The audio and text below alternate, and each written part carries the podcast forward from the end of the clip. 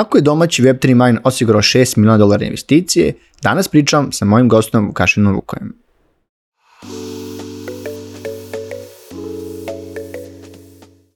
Dobar dan i dobrodošli na epizodu Netokracije Office Talk sa moj Marko, a danas nam je u gostima, kažem, serijski preduzetnik Vukašin Vukoje. Vukašina, dobro nam došao. Hvala na poziv. Mi smo negde sedeli ovde 2022. sredinom i pričali tada o nekim tom poslovnom uspehu nekim kompanijama koji se izgradio generalno, kako graditi Web3 kompanije, startupe i projekte. Pa hajde za početak, kad pogledaš sad i šta se tačno promenilo ove dve godine, kada smo čuli prošli put? A, sad zavisi naravno od konteksta, ali a, što se tiče samog problema koji rešavamo, rešavamo identični problem koji jeste koordinacija kompjuterskih resursa na svetu. Verujemo da a, postoji veliki gap između a, resursa koji su slobodni i a, a, same alokacije tih resursa. Na primer, gomilu kompjutera sedi a, kući bez da se a, koristi za bilo šta, a u isto vreme nema dovoljno grafičkih karata za treniranjem neuralnih mreža, na primer, za uh -huh. neke velike modele na cloudovima. Zato što a, suštinski cela ta koordinacija nije dobro rešena. Ali šta se promenilo jeste upravo to. A, AI je pokrenuo celu tu industriju i taj problem koji rešavamo postao mnogo relevantniji nego što je bio pre dve godine, a, tako da suštinski smo mi sada u trenutku kada a, je najbitnije ikada rešavanje ovog problema i trudimo se da to uradimo.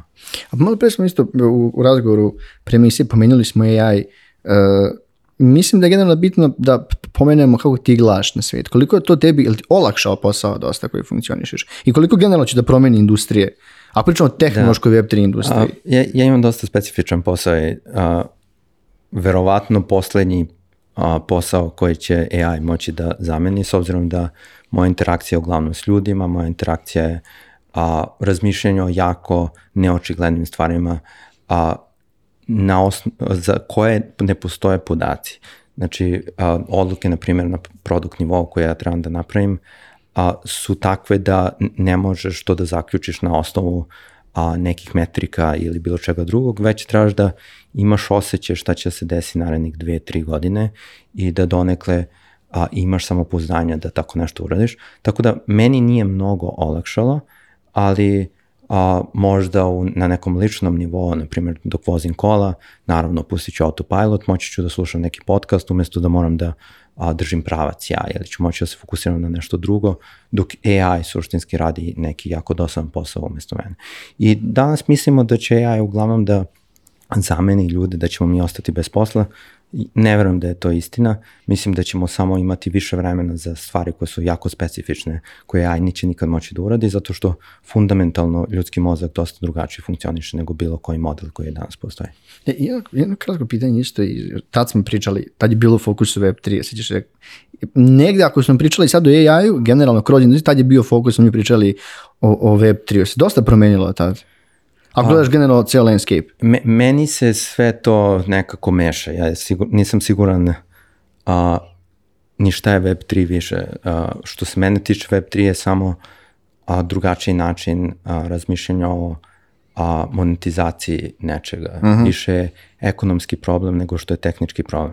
Jako često se a, nekako iz nekog inženjerskog ugla zatvaramo u tehnologije, mislimo Ethereum, Bitcoin, Solana, šta uh -huh. je mhm. bolje Suštinski sve to slično, a jedina razlika jeste da umesto da razmišljamo o monetizaciji samog proizvoda, tako što ćemo pro, prodajemo proizvod a, za određenu sumu novca, razmišljamo o ekonomiji. Uh -huh. I ako posmatramo software, šta je suštinski software? Software je a, nešto što nam omogućava da koordinišemo ljude.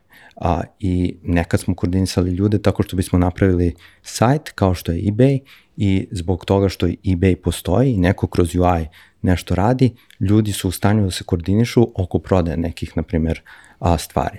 A ako razmišljamo o Web3-u, umesto da kroz a, landing page, sajt, a, koji je suštinski jako nezahvalan za koordinaciju ljudi, mi imamo mogućnost da ekonomiju definišemo na nivou protokola, što je mnogo direktniji način a, za koordinaciju a, ljudi.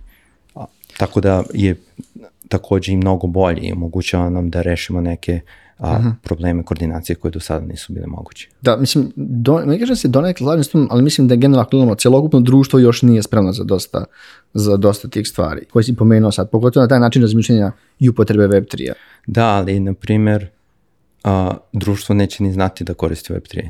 Aha. Zato što će se na kraju svesti na taj sajt, zato mhm. što je to nešto što je poznato ljudima, s tim da umesto da imamo jedan sajt kao što je eBay, a imat ćemo više sajtova koji mogu da imaju različite brendove koji interaktuju na nivou iste ekonomije. Uh -huh. I mhm. ta ekonomija može da bude definisana na nivou protokola i to je mnogo lepši i bolji način koordinacije ljudi zato što onda nemamo nikakvu a, a, zavisnost od nekog eBay-a koji by the way kompanija u Americi koja ima shareholdere, ima razne neke druge stvari koje povlači s tim da koristimo neki sajt. A zašto ne bi postao neki drugi eBay koji je, na primjer, u Evropskoj uniji, koji interaktuje sa nekom ekonomijom po pravilima te jurisdikcije uh -huh. u kojoj su ti korisnici. A, I to će sve relevantnije postati u bipolarnom svetu u kom se nalazimo danas. Da, tad, kad se sedeli ovde, ti smo kao, e, uzeli smo novi kanc, kao dođite uskoro da vidite i onda prošlo dosta vremena dok smo stvarno, koleginica Anastasija bila na otvaranju. Um, hajde, tako, ako sam razumio, ona je bila i ti si meni tad nešto pominjao, plan je takođe da kancelarija koju imate ovde u Beogradu, u zaista jednoj kultnoj lokaciji, otvorite i za, kažem ti, za kao neku zajednicu, ako sam dobro razumeo, za neki umetnik ili nešto slično. Da, suštinski za zajednicu. Uh -huh. a, to je prostor bivšeg sudija B, uh -huh. a, mhm. pre toga je bio Vidikovac, a ne znam, možda stariji ja sam bio tamo, da. a, se sećaju tog Vidikovca, karta je bila 10 dinara, moja baka mi je pričala kako a, je to bilo mesto gde bi u Jugoslaviji došli ljudi da vide Beograd a, i zbog toga je ona onako lepa ona terasa, zato što je to bio Vidikovac, to nije nikada bilo predviđeno da bude zatvoren prostor, uh -huh. to je mhm. bio javni prostor.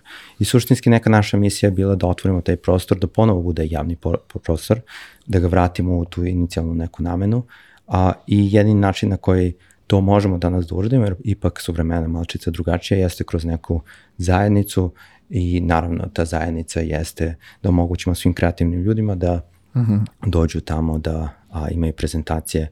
Dogod te prezentacije nisu for profit, uh mhm. -huh. to je nama ok, može bilo ko da se prijavi da ima neke prezentacije, a takođe trenutno imamo dosta ljudi iz zajednice koji dolaze tamo da rade, još uvek je sve a, for free, zato što a, nam je bitno da se organski ta zajednica napravi. U nekom trenutku će postojati neka ekonomija, zato što mm -hmm. fundamentalno verujemo da su ekonomije bolji način koordinacije ljudi a, i to će biti, na primjer, jedan playground koji mm -hmm. možemo koristiti za to. I isto, isto takođe, kad smo tada pričali, opet pomenuli smo da si zaista imao iskustvo i rado nekim velikim, uh, kažem, poznatim startupima i kompanijama, a i pravljenju nekoliko svojih kompanija. E, tad smo zaista pričali o Altlabsu kao tad pioniru projektu koje su e, gradili, ako sam na, na Filecoinu, kako sam bio, o, ako se dobro sjećam, hajde malo pričamo o, o tome, šta se dešava s tim trenutno? A, Altlabs je organizacija koja pokreće a, različite projekte. Jedan mm -hmm. projekata jeste Vidikovac, mm -hmm. a to je taj Space, drugi projekat je Web3 Mine, Aha. što je suštinski projekat koji se bavi koordinacijom kompjuterskih resursa U okviru tog projekta imamo mrežu koja je protokol koji koordiniše te resurse a, i šta taj protokol radi jeste dozvoljava s jedne strane ljudima koji imaju a, a slobodne resurse, to mogu da budu data centri, mogu da budu velike a, tech kompanije koje imaju resurse koje ne mogu da iskoriste ili mogu da budu mali a, neki konzumeri koji imaju neke grafičke kartice kući, uh mhm. -huh. gameri, možda neki mineri a, i žele da nekako lociraju te resurse. Sad, da bismo mi mogli da iskoristimo te resurse, mi moramo da imamo potražnju za tim resursima. Samo potražnja dolazi sa različitih mreža.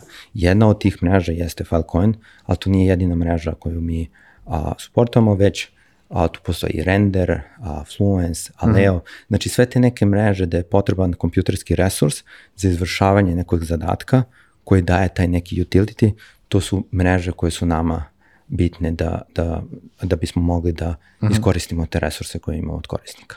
A, mi se dosta razlikujemo od bilo kog drugog u a, tom domenu, zato što svi razmišljaju iz konteksta kako da napravimo mrežu koja rešava sve. Mi verujemo da fundamentalno je to nemoguće a, i da jedini način da stvarno rešimo sve jeste tako što ćemo da sarađujemo sa svim tim mrežama koje rešavaju određene niše, na primjer Falcon rešava to za storage, a Aleo rešava to za ZK snarkove, -huh. Render rešava to za rendering a, a videa, a, Lightpeer rešava to za encoding i a, Fluence rešava to za vazam a, jobove i tako dalje. I pa negdje jeste povod, jeste bio, uh, kažem, investicija, pričat ćemo malo baš o samoj investiciji, a u, u Web3, u Web3 Mine, um, on, Web3 Mine, ako sam nađe, izašao iz samog Atlabasa kao projekat, je odakle ideja za tako nešto? Si ono pratio tržište kao, e, razvijamo novi projekat, idemo baš u ovom pravcu?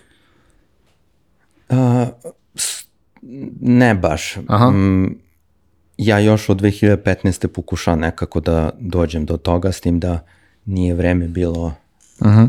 Baš idealno da se tako nešto poku, pokušava, a inicijalni neki pokušaj je bio oko Kubernetisa, mislio sam da će Kubernetis da donekle reši taj problem i stvarno je rešio na nekom lokalnom nivou. Naprimjer, danas u bilo kom data centru najverovatnije ćete imati Kubernetis koji rešava koordinaciju tih resursa na lokalnom nivou.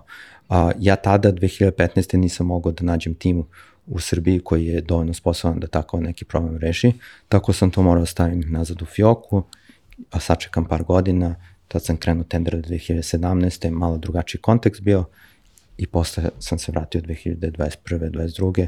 Ponovo je postao relevantan taj moment. U Protocol Labsu dok sam bio sam video da je suštinski rešiv taj problem, s obzirom da Falcon je nešto jako slično radio samo na nivou storage-a, I šta smo mi uradili jeste, mi smo napravili mrežu koja izvršava druge mreže. Znači, kad kažemo mi a, suštinski radimo Filecoin, to nije baš istina. Filecoin se izvršava na našoj mreži.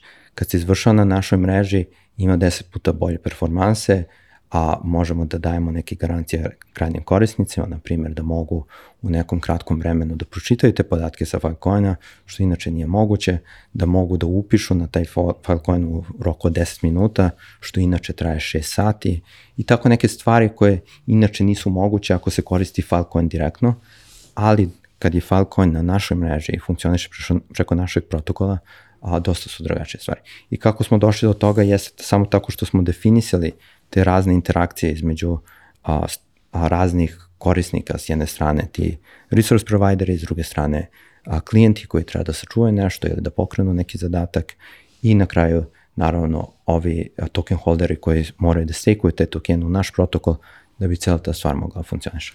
E, pomenuo si malo pre, nisi imao odgovarajući, kažem, uh, tim, koliko je sad tehničko znanje o ovakvim stvarima promenjeno, ako gledamo Srbiju? A, u Srbiji ima mnogo pametnih, snalaživih ljudi, ali a, dosta te ekspertize fali. Uh mhm. -huh. I ja fundamentalno verujem da a, Srbija može da funkcioniše sa a, drugim timovima koji nisu u Srbiji, ali ne. -huh. može samo Srbija da funkcioniše. Jako često a, ulazimo u te momente gde a, gledamo da većina tima bude u Srbiji, to nije dobro ni za koga. A, nije dobro ni za taj tim, zašto nema od koga da nauči, jer se znanje suštinski limitira na a, o, znanje koje trenutno a, postoji na, a, na nivou regiona, ali takođe je loše zato što, za organizaciju, zato što organizacija ipak ne zna neke stvari. Uh mhm. -huh. A na kraju dana da bi u Srbiji uspeli, moramo takođe da sarađujemo a, sa gomilu drugih entiteta preko. A većina našeg tima nije u Srbiji, imamo gomilu ljudi u Nemačkoj, u Americi, a naravno imamo dosta ljudi u Srbiji, uh mhm. -huh. I, u Aziji par ljudi. Znači, zaista je multi, internacionalna kompanija. I ovdje si, kad smo u tom saopštenju koji smo objavili za Web3 Mine, napisao si da nastavite da eliminišete uobičajene te Web2 bolne tačke. Da, pa, na primer, da se vratimo na taj primer sajta. Uh mhm. -huh. Suštinski je to poenta. Danas jedini način da ja dobijem neki kompjuterski resurs jeste da odem na sajt, a taj sajt se jako često zove AWS, da isklikćem tamo nekoliko dugmića i da dobijem neku virtualnu mašinu. Prvo, ta virtualna mašina je dosta limitirana, kompjuterski resursi koje ja mogu a, da dobijem preko te virtualne mašine su jako mali. A, u slučaju da hoću preko 20 tih virtualnih mašina da dobijem, trebam da molim AWS da dobijem više, veću kvotu takozvanu a, tih mašina, pa me onda oni pitaju zašta će mi i tako dalje. Ne daj Bože da da nisam iz Evropske unije ili da imam ruske papire, verovatno neću dobiti tu kvotu. da, da. Tako da, a, e sad, to je realnost danas. Uh -huh. S tom realnošću smo nekako okej, okay, a, i a, po meni samo to nema smisla. Uh -huh. A šta mi želimo jeste da postoji otvoreno tržište za kompjuterske resurse i mi pokrećemo to tržište i dozvoljamo svakome da učestvuje u tom tržištu. Nebitno je iz koje države, nebitno je a, koliko, a, koliko je kvota a, uh mhm. -huh. što se nekog američkog entiteta tiče i tako dalje. Jedino što je bitno jeste da može da učestvuje na tom tržištu i da ima finansijska sredstva da incentivizuje neko ko treba da da te kompjuterske resurse. Takođe, a taj AWS kontroliše sve resurse. Znači, uh mhm. -huh. oni su jedini ti koji mogu da doprinose resurse u tom sistemu i ceo taj sistem nema smisla. S druge strane, kada je jedna organizacija između, iza tako nekog sistema, a limitirani smo sa a, veličinom te organizacije, koliko ta organizacija može velika da bude. I danas je Amazon preko trilion. Koliko velike treba te organizacije da budu i koliko treba da mi kao cela planeta zavisimo od par kompanija uh mhm. -huh. koje su jako često a, u nekoj jurisdikciji gde mi suštinski nemamo nikakvih prava, uh mhm. -huh. a, a moramo sva ta pravila od tih jurisdikcija da poštujemo. Da. I ostajemo na ovom, isto učitajući ono, mislim, da sad smo pričali o tome, da ono što vi rešavate jeste ta neke dva ključa aspekta, kažem tu monetizaciju hardvera, ukoliko imamo slobodnih uh, kompjuterskih resursa i tom, tako zovem, likvidacijom ulaganju, kako sam dobro razumeo. Kako da ja, ja imam to, kako ja mogu da je na koji način pričamo o toj tokenizaciji, moram vam samo objasniti taj dio oko baš monetizacije mm -hmm. samih, samih hardvera. Da, samo da ispravim, nije likvidacija, inače bi da, to impliciralo aha, da, da. prodajemo da. tuđe tokene, a, što ne radimo, uh -huh. a mhm. apsolutno ne radimo.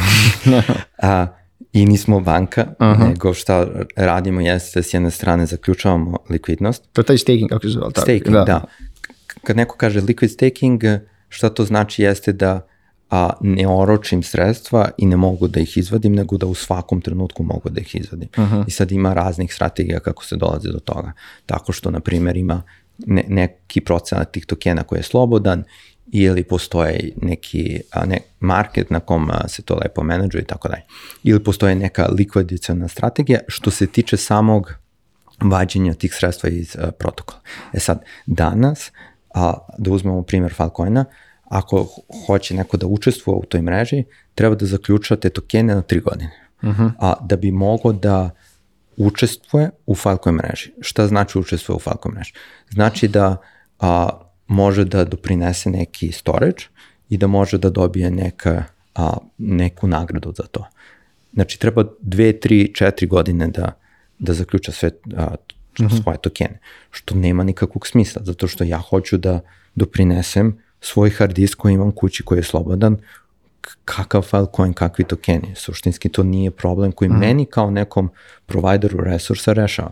A i šta smo mi uradili jeste, samo smo bili u fazonu je, nema smisla da a, neki compute provider treba da radi i ovo i ovo i onda smo samo podelili te role. S jedne strane smo napravili staking, da ljudi mogu da ulože ta sredstva, a, i, zato što tako je definisan Falcon protokol, što inače ima smisla, da, tako je definisan da bi cela ta ekonomija mogla da funkcioniše, da bi bio jeftiniji od AWS. Uh -huh. Trenutno je a, Falcon jeftiniji od AWS-a, tako da kad ljudi kažu, e, teško je koristiti te decentralizovane mreže, skuplje, šta god, ne, jeftiniji. I to je jedini način da možemo da budemo kompetitivni sa AWS-om. Naravno, Filecoin, na primjer, danas i sa svim ovim nekim optimizacijama koje smo mi uradili, nije dobar za brz storage, nego za spore storage. Šta mi da, rada, danas radimo, arhiviramo stvari. Naprimer, ima gomilu država koja mora da arhivira zaovek sve neke a, health recorde, uh mhm. -huh. a, zato što imaju neke regulatorne a, razloge. A, to je dobar use case. Use case gde neko čita brzo pi, a, i piše brzo, to nije dobar use case.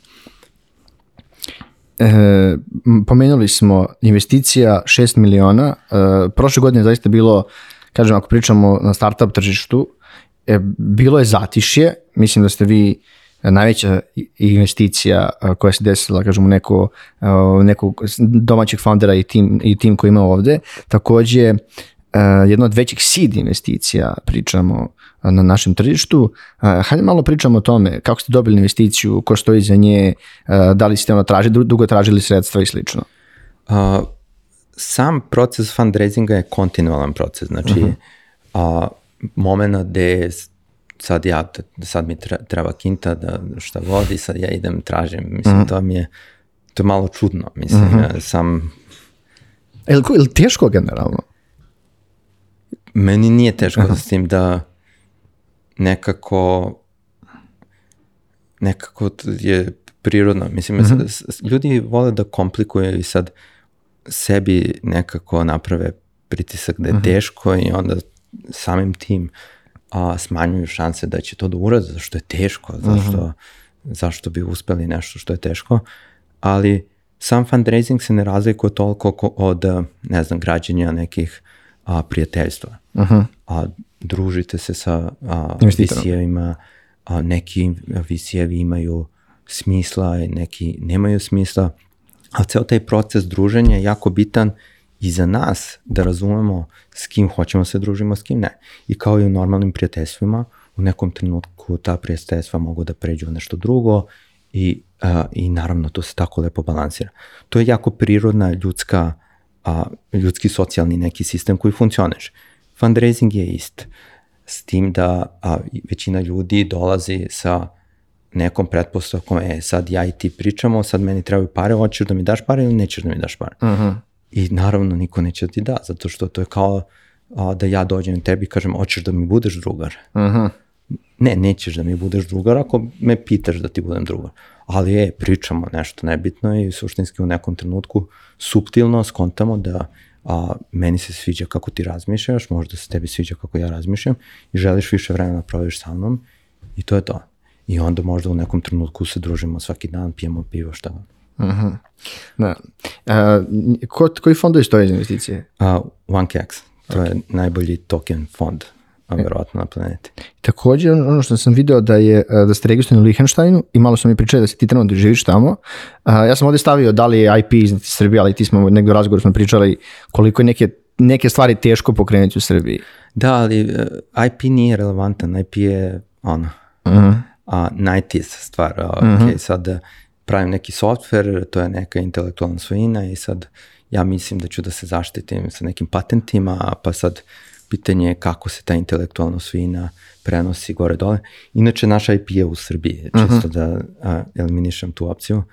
A, ali poenta jeste kako se monetizuje sam proizvod. A ja ne mislim da je na, najbolji način monetizacije prodavanje usluge koje taj software omogućava, već definisanje ekonomije i a, kreiranje te ekonomije u kojoj svi mogu da učestvuju. Da, ali ni, mislim, da, smo pričali o tome koliko je generalno naš zakon u Web3-u. Ha, da, pa, na primjer, zašto smo u Linkirsteinu iz jako jednostavnog razloga, regulatorna a, jasnost tamo je poprilično visoka, a mogu sa regulatorima da pričam, a mi smo ono, fully regulated, znači svi naši tokeni su legalni, ne moram da sanjam da će neko da me tuži u nekom trenutku ili da li ću morati a, sa Aha. advokatima da se jurim, što već dovoljno radim dan danas. Tako da, a, to je jedini razlog zašto smo a, se izabrali za Liechtenstein, mogli smo da izaberemo Švajcarsku, mogli smo Kajmane, ali naravno Liechtenstein je imao najviše smisla meni jer sam teo tamo da živim, tako da imamo neki substance zašto, zašto smo baš tamo, jer inkorporirati negde čisto zato što je dobra regulatorna jasnost nije dovoljno dobar razlog. Treba uh -huh. neki substance da postoji i za te regulatore. Naprimer, da ja ne živim tamo, ja ne bih mogla pričam s njima, ne bismo imali nikakvo mišljenje koje možemo od njih da dobijemo vezano za naš protokol i tako dalje. Ali su dosta napredni do te mere da ja pišem white paper, oni pročitaju white paper, daju mišljenja i suštinski sve neke stvari koje zahtevaju su i dosta smislene. A, oni se jedino trude da nemaju protokole koji se prave da su protokoli, a u stvari su banke. Aha. A razlika između banke i protokola jeste gde je kontrola. Ako je kontrola na meni ili na celoj organizaciji, to nije protokol, to je banka. Aha. A možeš ti da imaš koliko god blockchainova hoćeš, ali to je banka. I oni su mnogo dobri u prepoznavanju tih stvari I ako prepoznaju da je to stvarno protokol, onda možemo celu infrastrukturu koju su oni postavili da iskoristimo, što takođe implicira da ako u slučaju da hoćemo da napravimo od tog našeg tokena security, možemo to da uradimo u Evropskoj uniji, zato što je Liechtenstein nešto između Evropske unije i Švajcarske, a možemo i u Švajcarskoj da plasiramo, tako da to je neki razlog bio za baš Liechtenstein, a ne Švajcarsku, a osim toga Liechtenstein je prelep, a, tako da... A si bio pre, pa si odlučio, je volao da živim tamo ili je to krenulo kad ste počeli da gradite ovo? Da, dru, drugar mi živi tamo. Aha, aha, aha. A pa dobro, bar si video si šta možeš da očekuješ. E, u razgovoru s tobom vidimo zaista znanje tih kažem, ekonomskih tokora makroekonomije savremenijih pogled na to. Ako pogledaš ovu situaciju koju su bili, ne znam, ratovi, inflacija, šta se dešava u Americi, e, ili možemo očekivati, kažem, manje para u nekom narednom periodu, gledamo te makroekonomske uslove? Ne znam, ja više volim ovakve perede, jer uh -huh. a, mnogo manje ima šuma i a, kad ima dosta a, galame na sve strane, svi rade nešto, svi rezuju, suštinski nema dovoljno visoka koncentracija talenta na jednom projektu i onda se ništa ne desi. A kada nekoliko projekta dobije finansiranje, onda ta gustina talenta suštinski dovede do toga da se prave super organizacije. Ako pogledamo istorijski, sve najbolje organizacije na planeti su se desile u periodima kada nije bilo likvidnosti, nekada jeste.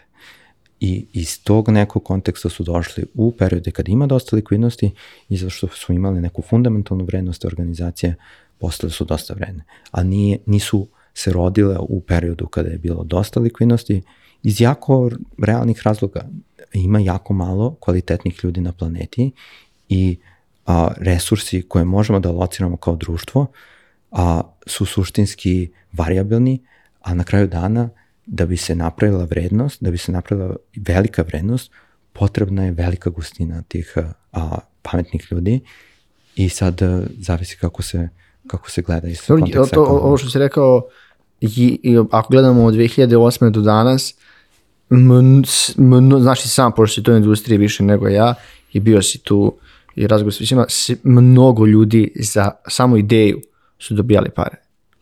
Da, i to je najgori period bio. Mislim, mi smo u tom periodu kretali, mi smo zaposlili neke ljude koje, s kojima stvarno nisam a, nikad, mislim, ja sam imao privilegiju ceo život da radim sa jako kvalitetnim ljudima. Uh -huh. U tom trenutku nisam mogao da zaposlim najbolje ljude na planeti. I nije idealno bilo. E kako se I... prepoznaš, ja moram pričamo, pošto ima priliku da zapošljavaš i menadžer, stider, posle pitanje, da.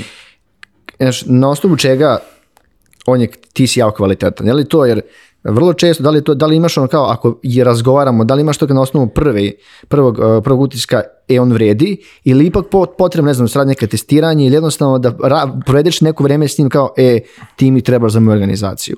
Na intuiciju mogu dosta dobro da, da skontam, danas, naravno pre 3-4 godine nije, nije bilo očigledno, a, ali na primjer ako treba podelim a, neke dve glavne stvari, podelio bi prvo za netehničke ljude i tehničke. Za tehničke ljude je dosta interesantno jer suštinski ako neka tehnička osoba kaže da zna nešto sigurno, to samo znači da ne vidi dubinu uh -huh. cijelog problema. Jako redko će jako dobra tehnička osoba da zna nešto sigurno, ali kada zna nešto, to će uvek tako da bude. Uh -huh. I to suštinski govori o tome koliko je neko racionalno, što je krucijalna osobina za a, pravljenje tehničkog proizvoda. Zato što ja da bi mogao svoje odluke da zasnivam na nekim tehničkim odlukama, ja moram 100% siguran da budem. Jer ću ja da imam poverenja da će moj tehnički tim da mi da dobre inpute, da ja napravim odluke dalje. A što se ne tehničkih rola tiče, a barem u mom slučaju šta sam video jeste da najbolji ljudi su oni koji imaju relativno nizak ego, a ne rade to zbog sebe, nisu oni bitni u organizaciji, ne tehničke role su supporting role. Jako malo to preduzetnika kapira kod nas, jako malo menadžera kapira kod nas da nisu oni glavna rola, već su tehnički kontributori glavna rola, uh mhm. -huh. a svi mi kao tim se trudimo da idemo u određenom smeru. A naša rola kao netehničkih ljudi jeste da malo usmeravamo to, ali takođe moramo da slušamo non stop šta se dešava underground, što samo tehnički ljudi mogu da znaju, naročito ako je tehnički proizvod. A koliko tehnički ljudi moraju da imaju e, znanje o vođenju tima, o ekonomiji, o biznisu generalno? Ja mislim da to često kod nas možda bude problem, da kažem, nekvalitetnih dela, ako gledaju samo jedan, jednosmerno neke stvari. Zavisi. A, oko ekonomije Mislim, generalno oko biznisa, oko, ne tiče ekonomije, nego prvo oko biznisa kojim se vi bavite. Zavisi kako su ovi netehnički ljudi. Ako uh mhm. -huh. ovi netehnički ljudi su u stanju da uh mhm. -huh. stvarno usmeravaju taj tim a u dobrom smeru, onda ne, nije potrebno. Jako često netehnički ljudi su katastrofalni, znači ne znaju ni ekonomiju, ne znaju uh mhm. -huh. ništa, nego su nekako tu stavljeni, slučajno su se našli tu. Uglavnom šta se dešava, to su programeri koji nikad nisu mogli da budu programeri i nekako -huh. tu ima svega i svačega i to nije baš idealno. Ali a, mislim da je bitno samo da su tehnički ljudi dobri tehnički i sve ostalo se lako nauče i da tehnički ljudi su u suštini jako dobri u brzom učenju. Tako da, ne znam, kod nas su najbolji tehnički ljudi, prvo nisu imali nikakve neke specijalnog znanja iz Web3-a, a i iskreno to je jako dobra odluka bila, jer da sam zaposlen neko ko je bio iz Web3-a, znači imao bi dosta zagađen mindset šta je sve moguće, uh -huh. a već bih gledao šta se desilo u Ethereumu možda.